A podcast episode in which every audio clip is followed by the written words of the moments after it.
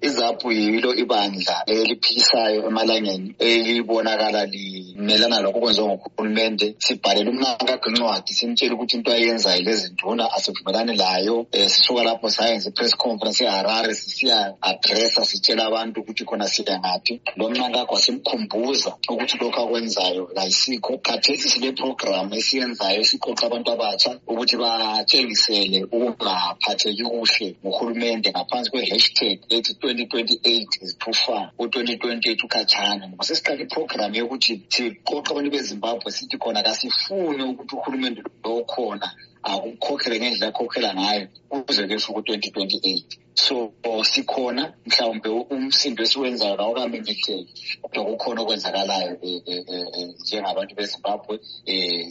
siyabamela abantu um okubahlukuluzayo siyabakhulumela kodwa abantu bathi phela kuma-bi-elections abazange bekubone izapho abazange beyibone kuma-bi-elections ngakho-ke basekela izanu ngokutsho kwabo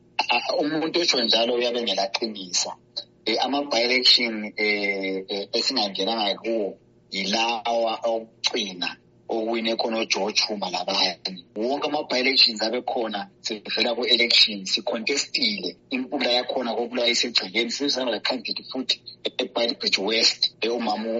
utoriso so sikhona siyacontesta uhlupho babadube uyakwazi ukuthi kungena kukhethu lwama-election kuyadula ukubhalisa u-m p kuyadula ukucampeyina so sinanzelele ukuthi mhlawumbe abantu ka kukhona esingakwenzi kuhle okwenza ukuthi bangasivoteli sangena ku-drawing board kukhona esikulungisayo twenty twenty three singenile abantu abasivotelanga endaweni eziningi wayenza i-by-election sangena futhi abantu kabasivotelanga so angazi ukuthi othi kasikubona ku-by-election uyabe sitsho ngaphi ngoba wonke ama-by-election besikhona